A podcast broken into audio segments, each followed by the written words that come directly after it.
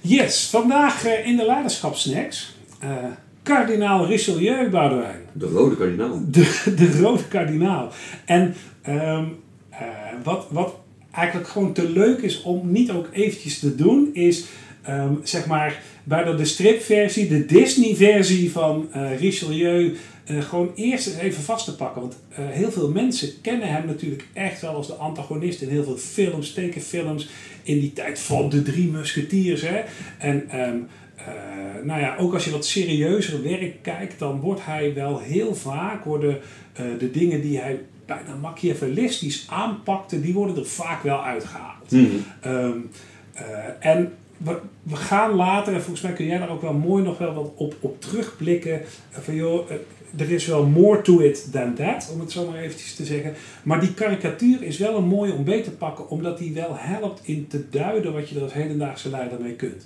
Het is inderdaad de man die eh, ten tijde van eh, Lodewijk XIII de eerste minister is van, van de Franse koning. Hij is ook kardinaal, dat zag je natuurlijk later ook wel met namen als Mazarin in Frankrijk, Wolsey in Engeland. zie je natuurlijk vaker terugkomen dat geestelijke ook die rol hebben. Ehm, en hij is, eh, hij wordt niet helemaal voor niks ook zo als karikatuur neergezet. Daar moeten we ook eerlijk in zijn. Hè? Het was een man die eh, met weinig scrupules werkte, die ehm, eh, als een van de eerste bijvoorbeeld een professionele inlichtingendienst had, met Ja. spionnen door Ja. heel Europa, door heel Frankrijk. Ehm, die spionnen niet alleen informatie liet verzamelen, maar ook tegenstanders liet uitschakelen. Ehm, in hedendaag, eh, eh, hedendaagse termen zou je zeggen, hè, dirt eh, opgraven over tegenstanders. Ja, en mooi, mooi even, Ja, voor- ja, sorry, ja, ja, even- ja, ja. Een van die mooie citaten is dan, als je me zes regels geeft, die geschreven zijn door de meest eerlijke van alle mensen, zal ik in deze regels iets vinden waardoor hij hangt. Is al een van de Oh, notoren eh, uitspraken van Oh, nou, die kende ik niet eens. Nou, Ja. passend, passend inderdaad wel bij die karikatuur van Zeker. hem. Dus hij heeft misschien letterlijk gezegd, maar dit is wel echt eh, gebruikt, ook door Duman, maar in meer films, Ja. om hem echt zo neer te zetten. Hij gebruikt ook propaganda. Hij heeft zelf een krant opgericht. Ja, de Om ja, precies. Ja. Ehm, om daar dan zowel waarheden als ook wat aangedikte waarheden als Net echt nieuws, onwa- zo- ja, nieuws hè, tegenwoordig. nepnieuws. Hij deed dat allemaal. Ehm, maar, en dat is denk ik wel leuk om daar toch even op te reflecteren. Die karikatuur die is er niet voor niks. Die is niet zeg maar eh, van het, eh, het, het eh, blankste blaadje hebben ze, hebben ze iets zwarts gemaakt. Eh, en ondertussen is er gewoon ook wel meer. Ehm, hij deed wel bijzondere dingen waar je als hedendaagse leider wel iets van kunt leren. En het is denk ik goed dat je die context ook wat meegeeft. eh, Ja. ons. Ja, je hebt natuurlijk helemaal gelijk. Dat het- hij wordt gezien als, hij, hij wordt neergezet met name in die films natuurlijk als een enorme karikatuur. Ja. Ehm, maar ook eh, in de boeken ehm, is dat echt wel wat genuanceerder. Eh, en vooral op het punt, en daar gaan we een beetje op inzoomen, dat Richelieu ook in die boeken het belang van Frankrijk nog steeds wel voorop stelt. Ja, hij eh, keerde zich weliswaar tegen de, de, de heldhaftige drie musketiers. Eh, maar ehm, eh, hij deed dat wel op zich met het belang van Frankrijk eh, voorop. Ehm, en dat zie je ook als je gewoon kijkt naar de historische figuur van ehm, eh, de kardinaal Richelieu. Eh, dan, dan wil je ook echt dat, dat Frankrijk groot wordt. Frankrijk was altijd groot. Eh, Frankrijk was ook altijd wel in, de, in die eeuwen daarvoor natuurlijk het, eh, ja, nou ja, toch wel een beetje het, lichtend voorbeeld voor Europa, in ieder geval volgens de Fransen, eh, die vrede en orde konden, konden brengen. En zo ervoer Richelieu dat ook, dat hij aangewezen door, door God en met Gods hand kon zorgen dat met name de Franse koning, want dat was natuurlijk de belichaming van de staat in dat absolutistische tijdperk, dat die weer tot, tot grootsheid kon komen, waardoor vrede en orde in ehm, het door oorlog geteisterde Europa, want we, leven, we zitten midden in de 30 jaar 30 jaar oorlog, oorlog, ja. Ehm, dat, eh, dat dat weer terug zou ehm, eh, komen. Eventjes, toch weer eventjes die jaartallen. Ja. Want ehm 30-jarige oorlog 1618 tot eh, 1648.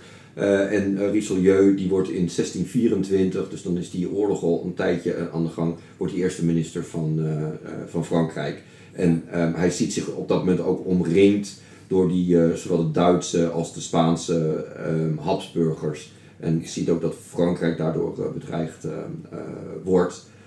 En ziet daarin dus ook wel een oproep aan zichzelf, maar ook ehm, aan Frankrijk om, om weer groot te worden door de naam van de koning, ook in het buitenland weer tot, tot grootheid te brengen. En ja, daarvoor ja, doet hij wel een aantal dingen de, die we tegenwoordig misschien als machiavellistisch zouden, zouden zien.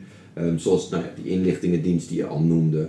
Um, de propaganda die, daar, die die inzetten. Maar ook bijvoorbeeld door, uh, door verbonden te sluiten uh, met nou ja, niet-katholieke naties. Terwijl hij natuurlijk gewoon wel degelijk katholiek was. Gewoon een katholieke kardinaal. en hij ook als een van zijn missies had om de Franse hugenoten te ruïneren. Ja. Dus daar zit wel. Ja, ja, en dat, hoe ver kan je gaan? Nou, wat ik het leuke daarvan vind, dit is natuurlijk ook de tijd dat, ik bedoel, hè, die, de, dat schisma en het opkomst van protestantisme, dat heb je natuurlijk al iets eerder, maar het wordt natuurlijk steeds helderder dat er gewoon ook landen verder zullen gaan als protestante naties. Dus niet meer, uh, uh, zeg ook in die wereld, die natuurlijk voor Richelieu ook wel um, bekend was. Hij had gewoon de paus als opperste uh, leider. En die, die, godsdienst die gaf ook een soort van um, ja, handelingsvrijheid en misschien wel handelingsplicht in de, in de wereldlijke wereld. Zeg maar? Daar had hij ook iets te doen. Die hugenoten zijn daarmee een soort, echt wel een, een, een kiezel in zijn schoen. Zeker. Zo maar te zeggen. Ja. Um, en nou, de grootsheid van de Franse koning, de meest heilige koning moest dat natuurlijk ook zijn. Ja.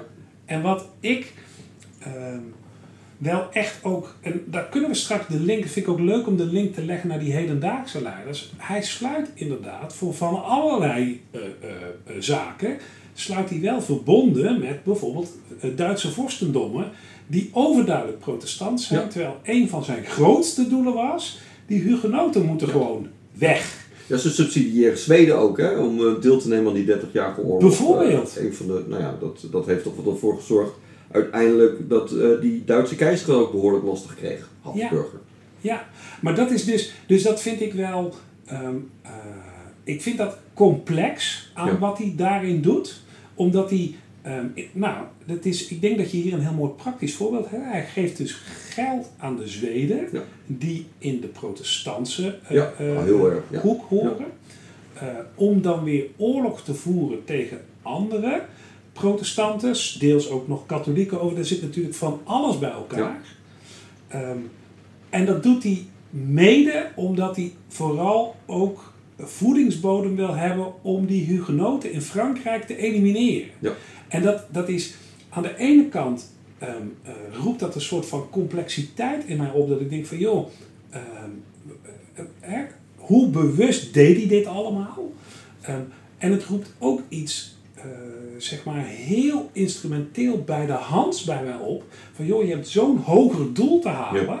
Dat eigenlijk alles mag. Zelfs een paar oorlogen verliezen of zelfs landen machtiger maken dan dat ze eigenlijk zouden zijn. Om jou allerhoogste doel te bereiken. Ja. Dat is. Um, ja, daarmee wordt hij, wordt hij heel interessant om, om in te verdiepen. Um, om, omdat, je, um, omdat het weinige gegeven is, denk ik, in de hedendaagse tijd om op, uh, zeg maar, op het, het schaakbord zo groot te maken. Ja. Maar even nog om jou verder in de werkbaar te brengen, hè? om de complexiteit nog groter te maken. Ja, ja, ja, maar dat is... als je Richelieu gewoon um, gewoon echt, echt sec bekijkt en je haalt deze punten er eventjes uit, hè, die wij heel erg machiavellistisch uh, vinden. En we proberen het beeld van al die films ook even van ons af te schudden. Dan was het gewoon dan was het een staatsman die ook gewoon bezig was om um, de Franse staat verder te moderniseren, verder te centraliseren. Um, hij heeft ook ontzettend veel hervormingen heeft hij, um, uh, aangebracht. En nou, wat, wat ik, het beeld wat, wat af en toe een beetje boven komt drijven is toch wel een beetje de bruut. Maar mm -hmm één voorbeeldje om aan te geven dat hij echt ook wel anders in elkaar zat. Hij heeft het tafelmes geïntroduceerd. Zou je zeggen, het tafelmes? Ja, maar, hij had dus, eh, maar het tafelmes, uh, hij had dus genoeg van het feit dat mensen daar zaten met dolken en weet ik veel wat allemaal. Wat, wat dus allemaal ook, ja, wat hij um, zag als barbaars. Mm -hmm. Het tafelmes is bij uitstek een middel waarbij elkaar niet dood kan steken terwijl je met elkaar aan tafel um, zat. Dus het was iemand die ook ook al deed hij allemaal van dit soort dingen die wij kwalijk uh, vinden, gewoon als mens eigenlijk ook wel een soort ethisch besef had. Dat, dat, ja, dat we bezig waren om ons ehm, nou ja, uit die barbaarsheid te halen. En Ja. tegelijkertijd deed hij dit. Nou, dat was... Nou ja, en deed hij dit. En, en ik, wil, ik wil toch met jou... Ik moet zeggen, ik vind het altijd wel weer leuk. Je hebt heel vaak van dit soort dingen die ik dan gewoon nog ook niet wist. Hè, van, die, van die curiosa. Dus dat vind ik ook wel grappig. Ehm, en ik wil toch eventjes terug naar wat als hedendaagse leider. Ja. En ik, ehm, eh, ik zou bijna, eh, door er zo over te lezen in de voorbereidingen en met jou weer over te hebben.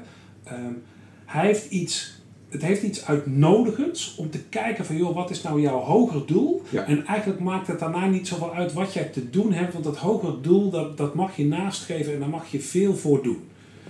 Binnen de perken van de huidige tijd, zeg Juist. ik er dan mee. Ja.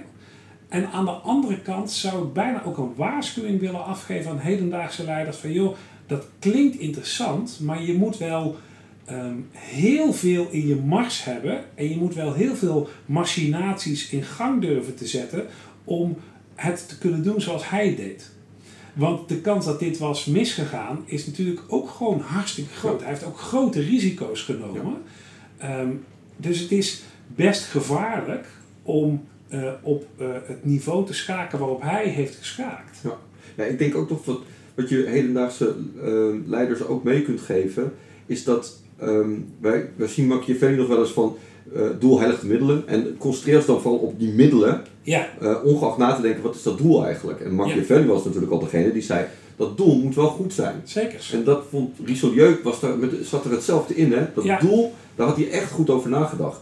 En als we tegenwoordig nadenken over dat Machiavellistische, dan vergeten we eventjes dat dat doel wel degelijk nastrevenswaardig moet zijn. Ja, ja, ja en, en, en, en wat, wat eh, zeg maar in Machiavelli nog wel zit, dat zit net op een wat praktisch lager niveau of zo. Hè? Daar zit, als je daar discorsie leest, daar Ja. zit, zit veel meer ook hoe je bijna op tactisch niveau dit ook goed kunt doen. Terwijl dit is op een soort van eh, eh, eh, strategisch niveau 3.0. Ja. En dat vind ik echt ook wel, ehm, ja, dat is, nou, ik noem het complex. Misschien ook omdat ik het woord fascinerend wil vermijden, maar het is zo, dit is echt heel leuk om je in hem te verdiepen Ja, absoluut. daarmee. Nou, Richelieu, ehm, zie hem dus als meer dan alleen maar de tegenstander van die drie musketiers. Die waren verzonnen en deze man was echt, dus ehm, eh, doe er je voordeel mee. Leuk gesprek weer, Boudewijn, dankjewel.